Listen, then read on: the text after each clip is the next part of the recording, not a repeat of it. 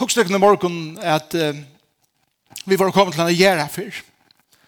Og i jar så, så hadde vi vært fra kapellen og kistan hever båren uh, nian i sankomnam og så stender hun til den etter til gjerne før der.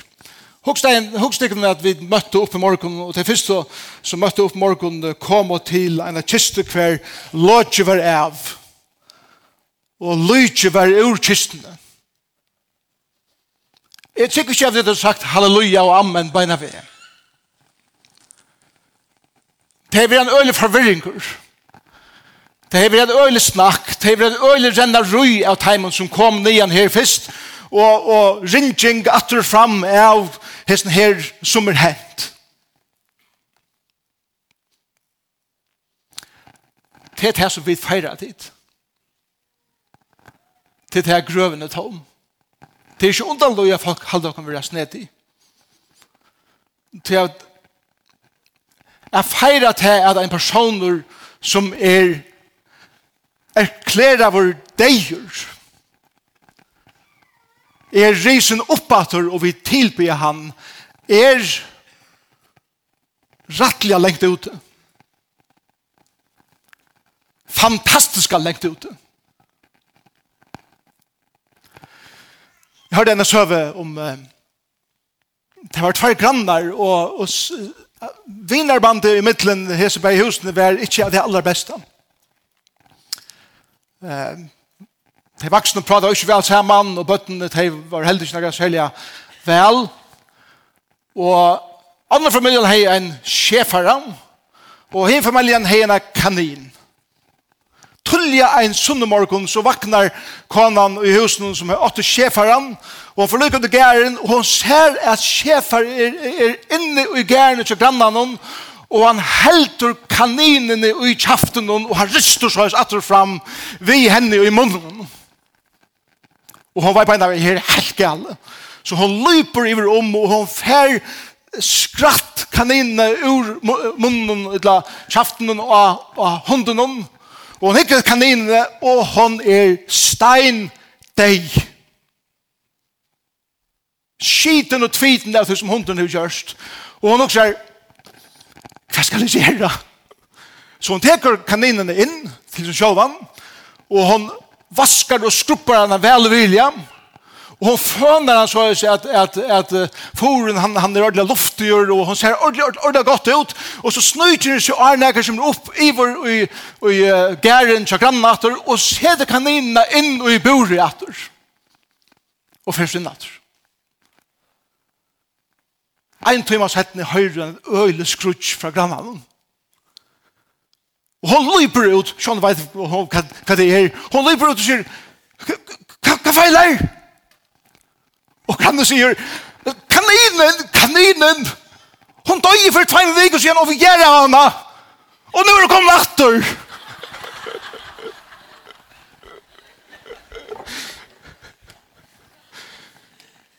Altså, tar man en deir, så er man deir.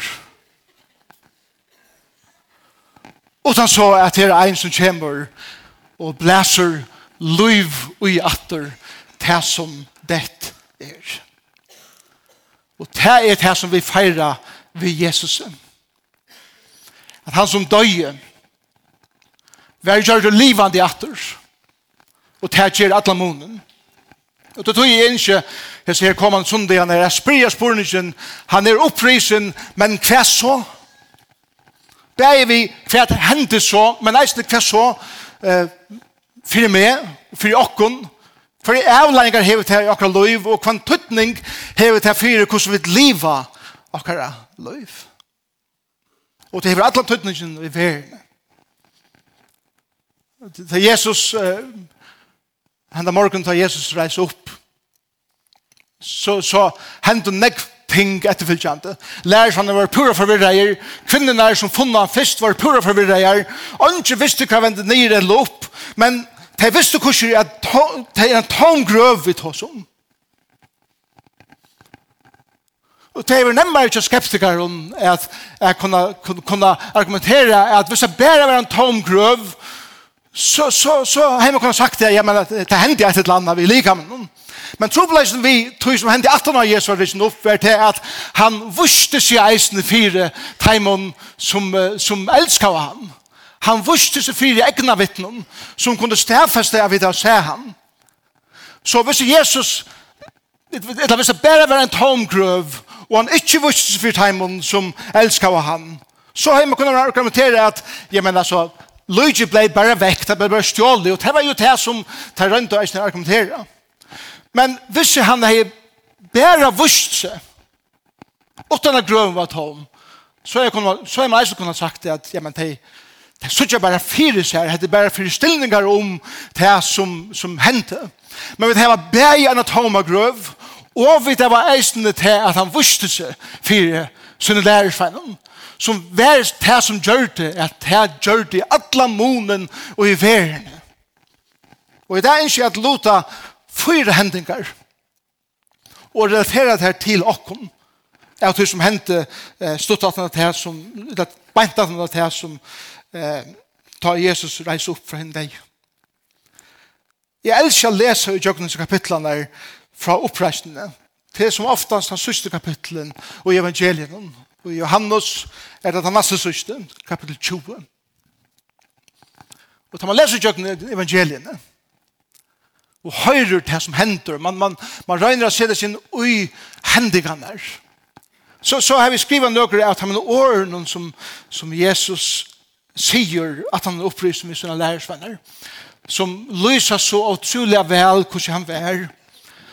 Et av det første som Jesus sier til han opprysen er Maria.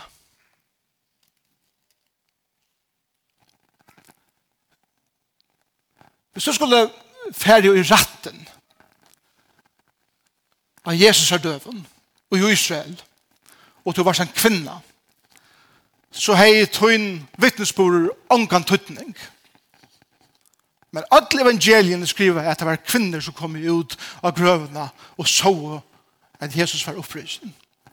Og Jesus sier Maria, at det er kolvel til henne liv. Han sier reisende, at han kommer inn og lasta dyr, og hjertskiftet lærer for han har sitt innenfor, og hva sier han?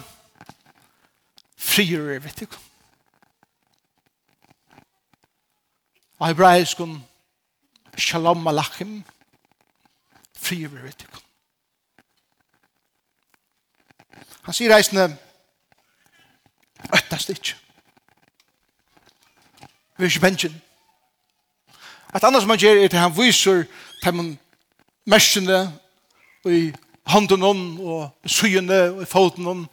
og han sier kjalt vitt der kom, kom nem kom nem ved meg Han sier reisende vi Peter, han sender settende Elskar du meg? Elskar du meg? Og så sier han som, som ferien har sendt meg sender jeg til Og så sier han til endan færre tog ut og gjør lærersvenner og alle folkasløven. Han er opprisen og hver så. Han er opprisen og hver så. Jeg ønsker at, at, at uh, teg okken av en affær i morgen som lærer okken nekker kursi for meg og trolig sannleggere av det som vi kunne lære av det som hendte hese her få i trymmene og degene at når Jesus var opprisen. Det første er dette at det er ofte i trången omstøvende er storversk henta. Til ofta ta vi vet ikke vite hva vi vender opp og nyer enn nega henter. Men ta og storversk henta så er vi øyelig ofta sein til å fæta hvordan størst det er som henter. Men ta og vi så fæta hvordan største er som er hent i akkurat livet, så brøyde det okkom radikalt. Og det er det første halde jeg som vil lære fra oppresten Jesus her, og løsen er jo hvordan alt som annars hadde hørt Jesus ta seg om det, vil jeg reagere og ta og jeg reise opp. Og det var at de tro og du ikke. De finner seg til at sikva at grøven verlig har tom, de, de, de yngste det, og de vilde det, men de hadde last seg inne, og de var bensjen utan kvinnen der. Og de koma til grøvene, og hun er tom, og de er forvirret, og de suttja enklar som sier okkur vitt der, og de renner og forteller lærersfeinen, og de vidt ikke ordentlig, de renner eisen ut av grøvene, og suttja at her er ønsken i grøvene, og de prater, og de vidt ikke ordentlig, og de er forvirret her. Allikevel så er det et eller annet inni her, djupt ned bøtjen som sier, kanska passa det. Kanska er det veldig størst. Men jeg vet ikke ordentlig enn. Jeg halte jeg synder atter enn. Inntil til jeg gikk opp fyrt heimen. Fjørte det jeg gikk fra til Jesus reis opp inntil for til himmels. Ter fjørte det jeg radikalisere av noen menn og kvinner som gjør det at jeg finner et dyrve, som gjør det at jeg øtta vist ønske og får ut at kunngjøre den opprystna Jesus. Men det er ikke tog.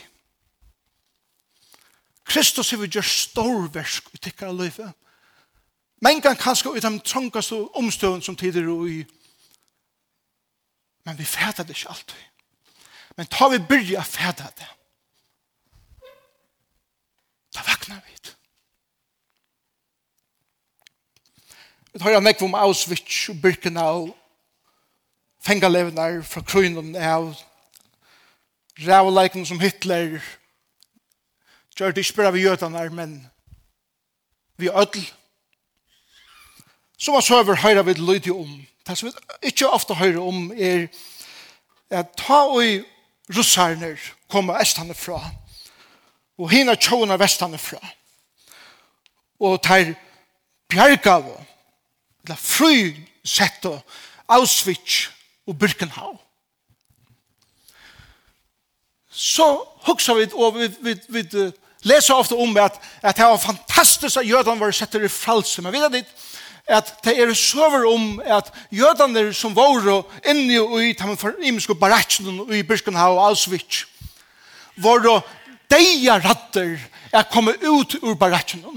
Det er det eneste som tar så over til at det var nødgjør her menn og nødgjør her klavon som tar seg et annet mål men tar det ånka visse om at her her menner og nødgjør her klavon og vi har nødgjør målet for å være annerledes enn det som tar og gjør det ikke årene har det lige under og tog tar du der ikke å komme ut ur barakken. Og der tør du ikke at leipa ut og prysa gode fire. Jeg vet er og gjør det fryer. Akkurat som det er svenner. Ikke for en en rabbinare som døye for noen faun år siden, 53 år gammal. Han eitur Hersel Schaster.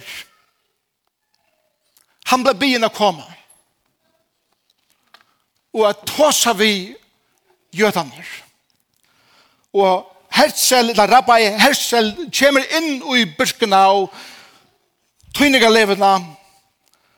Og han sier såleis vi jødene der, der samler sammen, han sier Shalom Alechem. Jiden, ja, sind, frei,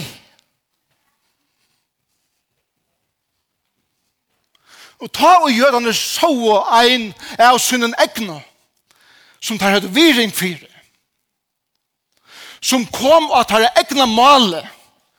Shalom alechem gjøtest og tukst. Ja sint fei.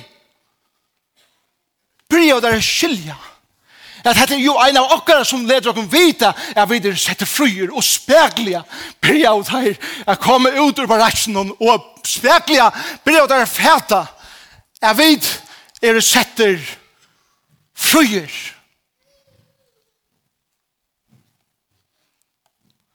og vi har brukt fra en øren rabbinare å komme og sia vi okken som er her i det Shalom Alechem Kristen Kristen ja, sind frei.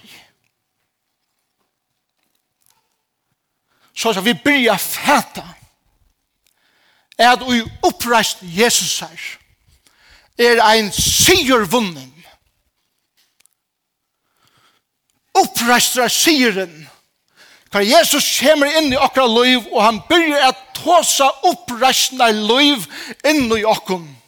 Shalom alechem. Frior vere vi tikkum. Tid er fri.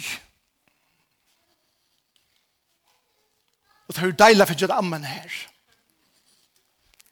Men så gjør det bare han den atterhaldende reaksjonen til en så radikala bådskap som er røyne for fram. Sier meg atter og atter Jeg vet enn ikke til fullnær hava fæta og freshna. Hvor?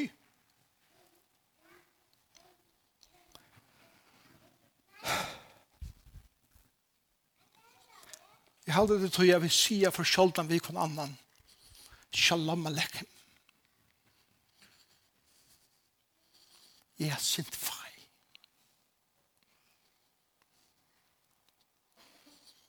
Og måtte vi byrja så at ørslet er oppreisende. Byrja tåsa oppreisende liv enn og hverst annan. Måtte vi byrja tåsa så at vi kan annan.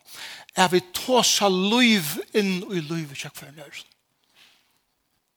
Det er antallet prat andale prater, ikkje berre tås om sankum og vierskifter, og om hva vi burde gjørst, og hva, hvordan godt i must være. Andale prat er at tås og opprøsna liv, liv Jesus er inn i kvann annan. Jeg minner noen av det frelse som vi har sett i. Jeg minner noen av om at vi lever sammen med en frelsere som er livande, som er opprisen.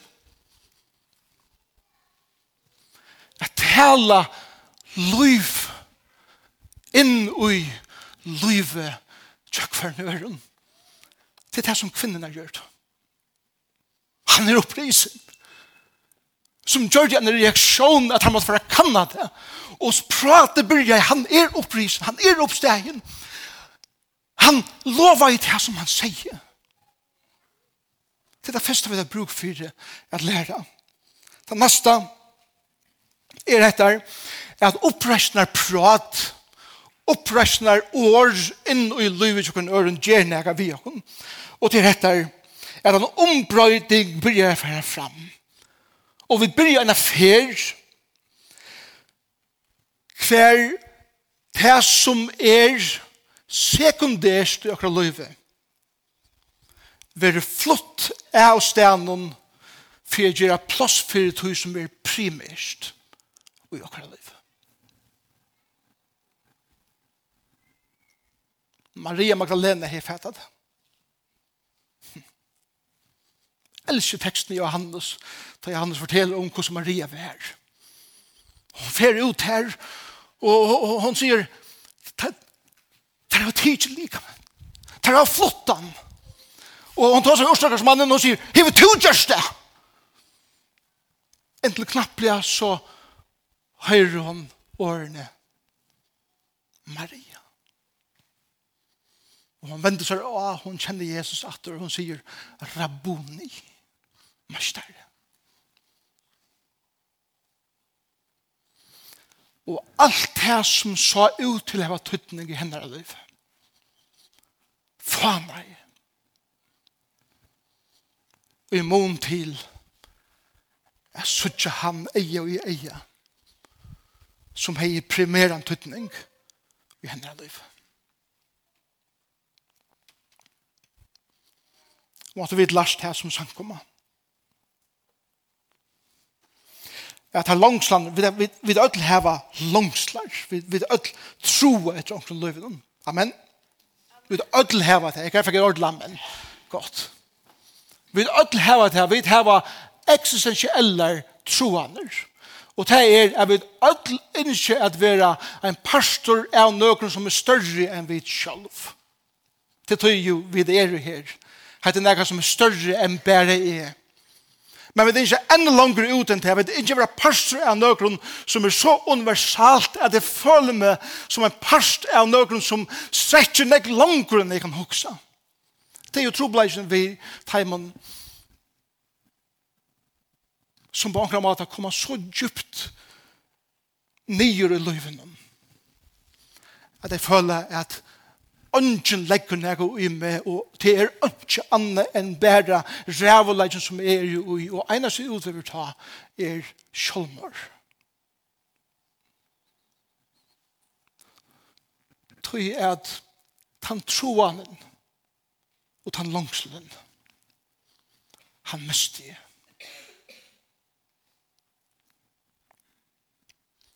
Men vi er ikke æra langsler. Ta fyrst langslen er det som kallar for comfort langslen. Og til det som vi opplever bare nå, til hugsa om hvordan det sitter. Det er helst sitter lysen det vel. Etla, vil helst at klærne som er passer meg nøggelunda. Jeg vil helst hava det synd og komfortabel. Jeg, jeg gleder meg til å komme hjem, steige ned i ånden, og det er deilig for å ete. Til, til anker, her var halleluja her, bare. Godt, Johan.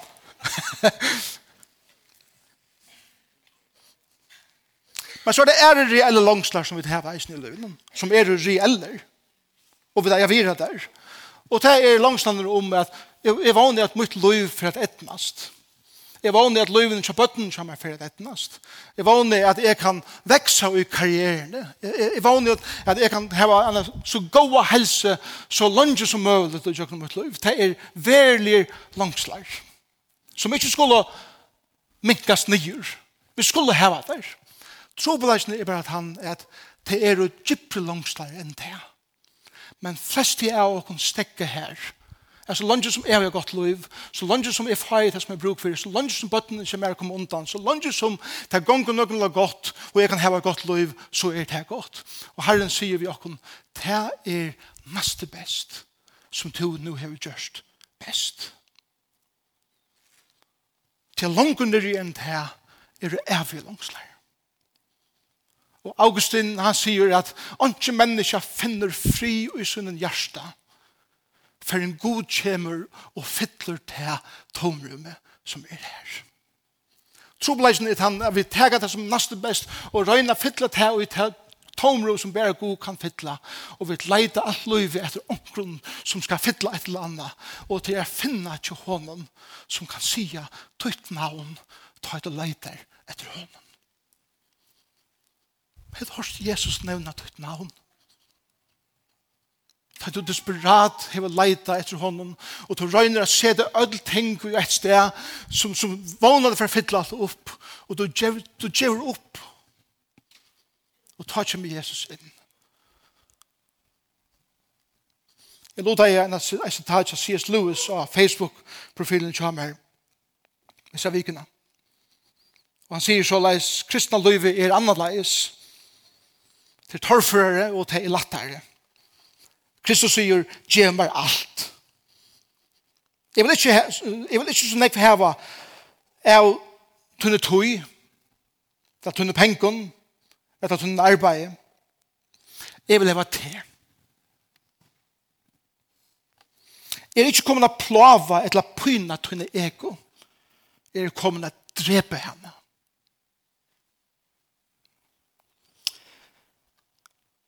ikke holdgjørst nytta neka. Jeg er ikke ahor ui at kvetta eina grein her og eina der. Jeg vil hava treje nyer.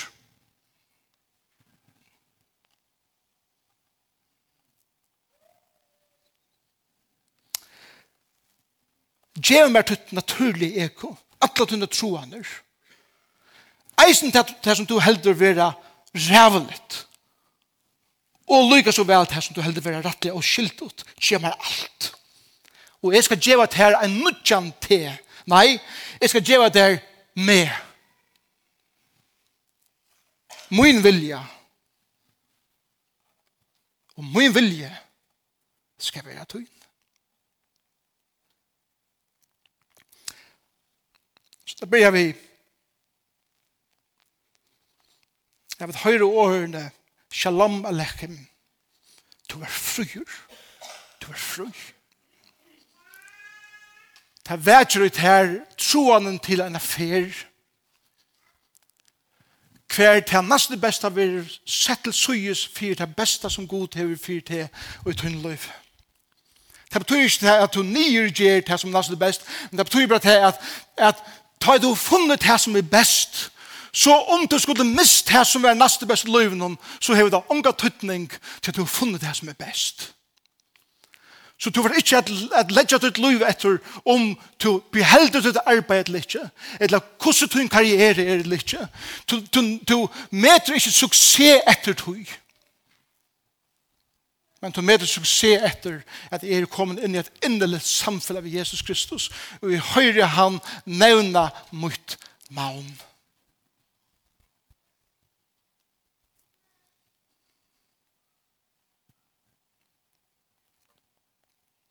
Det er tre som tar leie til. Til det er at vi byrjar fylkjast.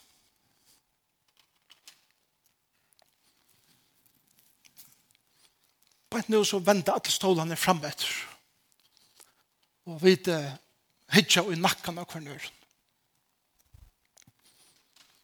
Tror vi det er møte.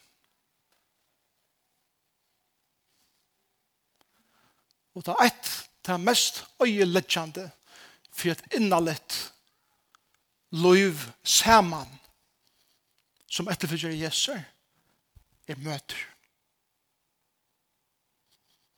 Genga fra tiltak til tiltak. Arrangement til arrangement. Og vi sier det som avskårer av noen faen folkum som performer fram i scenen. Og vi taler at her er andalige løyve. Det er ikke andalige løyve andra liv er ikke genga møte. Ikke misforstandet, men det som Jens Per sier, miskil med ratt. Hvis det halde at det er genga fra møte til møte til møte til møte til tiltak til tiltak til tiltak, er det andre liv, så er vi utrolig fatøk. Andaliga liv er det vi byrja at venda stolen og mot kvarnøren. Og byrja hitjen i egna kvarnøren. Og og byrja luta søvna som god skriver i mer vikvärnur. Og det betyr at vi gjør at det er ikke storen flokken, vi gjør at det er smavom bølken. Sjalt husbølker er for store til det. Jeg finner 3, 4, 5, 6 folk som to er så mye trykker sammen vi at to lutar det som er inne her. Hva sier det? Det tror jeg at Settlene parsten, tan sunne morgenen. Ta gingo tveir lærersvannar Jesus her, ur Jerusalem, ester, eller vestre etter, til en lilla bygg som heter Emaus, og tar ginko av venen, og tar prata av sammen. Og teksten sier så leis, i Lukas 24, Tveir at heimun for samme dagen til bygd og jad Emaus, og vær trusstati fra Jerusalem, tar tås av hver vi annan om alt hetta og i hent heie. Men tar no tås av oss hemman og spurte hver annan kom Jesus sjolver til terra og fyldest vi teimen. Elskjater. Prinsippet heter at genga saman vi kvar nøren og tala opprestnar år inn i frustrasjonenar og Ivan og Øttan tjak for nøren, det var jo støvna som tar var roi. Ta vi et lære å gjøre det. Og ta seg det som hent hever i okkara løyve og i okkara huksan om Jesus. Det er det mest grunnleggjande som åpner bittnar fire at Jesus kommer inn i flokken at genga og fylltjast saman vidt her og ved mer te ta og to tåsar liv inn i liv i kjøkføren øren og du tåsar om tøynar omstøver hva du øttast, hva du huksar om, hva du gledest om, det er innast av tøyn livet som du ångade narst og ene møte. Jeg tåsar saman og hyggin i egin ekon øren og grada saman og flenda saman og vera saman og spela saman. Det er det beste og største politiella form för at Jesus kommer inn. At genga sammen Vi tar. og mer.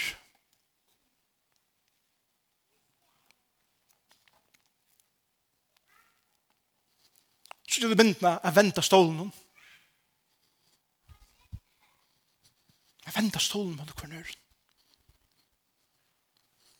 Men det er at han bäst og og største og andalige opplevelsen som jeg har haft i livet om, er ikke vi feita låsenskonserter og alt det, eller veldige taler og alt det. Det er ofte at jeg sier det ensamme til vi om mine personer for livet og ta seg sannleikene. Eller ta jeg sitter om et vi er en gåere måltøy og enda målet vi er sitter rundt om en bår er at ta seg oppreist inn i livet kjøk for kjøkkvernøren. Jeg tar seg sannleikene og ærlighet inn i livet kjøk for kjøkkvernøren. Vi viser i antallet dimensjoner kan ikke bare bli grenj og slæter, men vi Jesus er fri eia. Hva han gjør vi min øtta og, og min frustrasjon og min glede. Til, til ta og vi kvarsitte sammen med noen artikkel om og vi prata saman. Og, og prata blivis hos at til nega som åpnast opp i okkur, som gjer til at Jesus kommer inn og fylgjast vi okkur, og ta i vidt li og prata, og til kjenna det, vi tar prata seg samtalen, nekve av okkur. Så kan du se som lærersvennene søtte, var det ikke et eller annet hjertet okkar som brente? Da han tala i vi okkur av venom. Jeg, jeg husker meg hos nekvar taler som Jesus taler i. Men det er særlig også som vi av en til Emmaus. Og vi er en parst av til samtalen. Og kunne få heim og sige Følte du skulle si hjertet og den brente. Da han tjekk sammen vi og kunne vennen. Og han åpnet i skriftene for å kunne vise oss hvor han var. Og hva han betyr i okkara livet. Herre, brøver og søstre i løyvene, det er det som samkommende er. Sankoma må ikke defineres av okkar møten. Jeg har sagt fra det jeg eit at løvden skal ångkande være, være en møte basera sankoma, men en tjeneste og samfunnes basera sankoma. Ta vi får ombygningen for at ikke hava mer møter, men vi får omstår til at kunne dreie stålen og være sammen.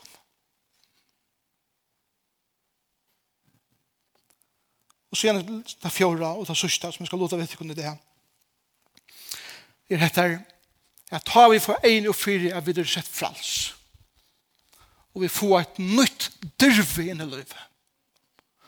Så begynner vi det genga en lei hver det som er det som vi har gjort primært men er sekundært vi er flott av venen for Jesus skal komme og se det. Se i sentrum i okra livet. Og han vil det primæra. Og alt anna fanar og har ikke valgt av oss langer. Det byrjar vi så at lota vi kvar en øren som vi fylgjast og dreia stål mot kvar en øren og tala oppressna liv inn i livet kvar en øren. Så hender det. Og det er fjorda, hendingen, og det er ta Jesus møter Petri, at han er fattelen, han er avnokta Jesus, og han er bannet på han, så kjenner han, og Jesus spyr Peter, elskar du meg? Elskar du meg? Ungen skorsflønja. Ungen peigefinger. Han var bare interesserer i at finna hver hjärsta hos mannen og vær. Og reisa det opp. Og prinsippet heter Ja, vi byrja a sutja vi sjån Jesus her for løyven og tjakk for nøyren. Tog at Jesus meter okken ikke etter veikleikon og fattelen okkara. Han meter okken etter potensialen som han har lagt ui til og med. Her burde jeg finne et ordentlig amen. Jesus meter til ikke etter tunne veikleikon og fattelen om tunne livet. Han meter til etter potensialen som han har lagt ui tutt livet og visjonene som han hever for et tøyt liv. Åh. Bryr vi da vakna til hatter. Det første som får hende er til at vi får en og fire at ta et hos vi en annen person Sjalt om den personen ikke lever til livet som er hevelig han skulle leva, eller er fattelen, eller er ånkesan av livet, så fer jeg ikke etter til personen i tøyfri eia, jeg peker av det som er gale i hans livet, men heldur å komme inn i hans liv og tåsa ved sjån Kristus her fyrir hans livet, inn i hans liv. Så at det ikke for min fordøming som reiser han opp, men at det var Kristus her, visjon og liv, som reiser han opp. Og det gjør det til at Peter fylltes for Jesus alt sitt liv. Og han viljer til at offre alt oppfyre til han er funnet det primære. Og han er funnet visjonene som Jesus heier for ham. Så Jesus sier vi, vi, vi Peter, elsker du meg, så sier han faktisk, hva vil du? Hva vil du? Og Jesus sier jo det her ofta. Hva vil du jeg skal gjøre for det? Og til hans spørning som jeg innkjøtt vi fra vid. Så la meg enda som byrja jeg. Vi kommer her i morgen. Vi kommer til gjerra for. Men låt ikke er av kistene. Og ikke lika mer i kistene. Shalom aleichem Tid er fri. Og vi byrja et liv. Kan vi se det her som er sekundært til syes, for å få det her som er primært Jesus og i sentri av liv. Vi byrja gjøre det samme vi har vendt stålen mot hver og det som vi tås inn i livet til hver nøren er visjon Kristus her fire livet til hver nøren. Så vi får heim nå. Nu vil jeg ha det sørste det fyrt der. Grøven er tom. Kistan er tom. Tu kommer heim i det. Ta tog kommer inn til kammer i det, eller kvöld. Så sitter Jesus vid sångarstokken av hun sång. Opprisen. Ikke bare tom grøv, men han viser seg i sin fyrt her. Og han spyr til spørningen. Hva vil du? Hva Hva vil du så gjøre for det? Hatt en grunnleggjende spurningar spør? Jeg vet det, vi öll spør sånne spurningar, vi öll er vel utbygging, vi er leiarar, og vi kan til leiarar skai, og vi letja visjoner og planer og endamal for öll mulige for okkar fyrtøyger og sankommer og løyve og alt mulig. Vi spyrja til spurningarna, hva er det som er vil? Men jeg forber om å letja alt til til syes og spyrja til sjølvan nu i in the presence of eller i, i, i nærværende av god til sjálvan som spyr til personliga forbøy tøyna fyrtøyka forbøy tøyna visjoner fyrir at mørn løyvnum og han spyr til personliga hva vil du? Hva vil du jeg skal gjøre fyrir til Og derfor er at fua det som er gypst ut henne løyfe under ødlån hinnen for det her blir jeg vettla fram. For så sørst hatt det regler ut henne løyfe jeg Jesus sier det ut henne sångarsok og han sier vi det hva vil du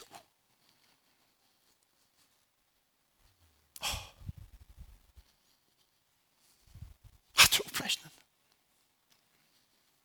hatt er opprestnar prat.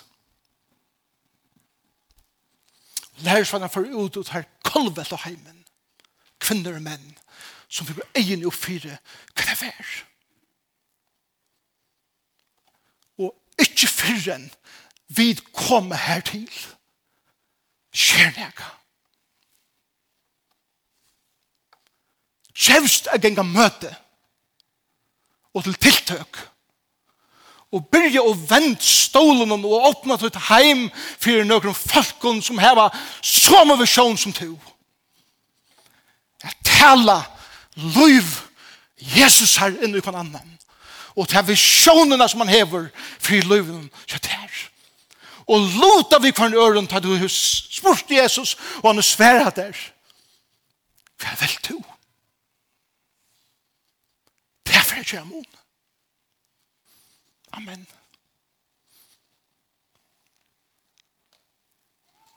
Jeg vil be ødel om at bodja høtte. Og vi får be.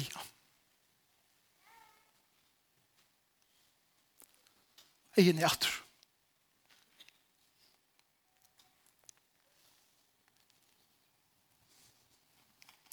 Jesus er en visjon for tøyne løyve. En visjon som du omkant i vil se. Ja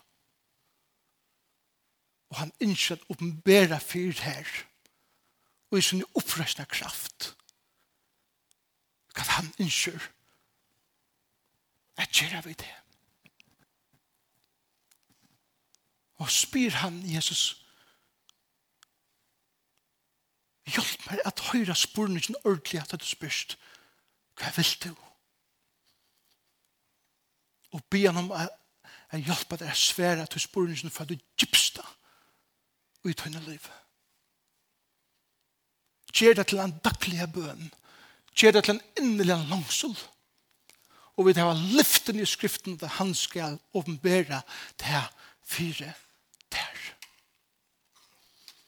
Og tog vi her Jesus om et som vi i det hitja attur at hod opprisen og hitja inn i hva det betyr og fram etter hva tøtning det her for jokk. Så be herre om at vi vil høre at tøyne år shalom alechem du er fruer. Og hjelp meg å se det her som er nesten best borster, for jeg får det her inn i sentrum som er best. Jeg hører at hun er rødt, sier mot navn. Hjelp meg å vende stålen og måter mine brøren og systeren og tale inn i livet jeg kunne høre om akkurat fer som er vidt her. Og så gjør jeg at sutja til visjonen er som to Kristus hever for en og kvarjen som er inne i her i det. Fyre gjemmer meg det som menn kan hitje at det negativa og det som feilar ikke øren. Hjelp meg å se det til suyes og lete til tega det av tøy og heldur tala loiv og tyna visjon inn i loivet som mine brøren og søstren. Og Jesus er navnet. Amen.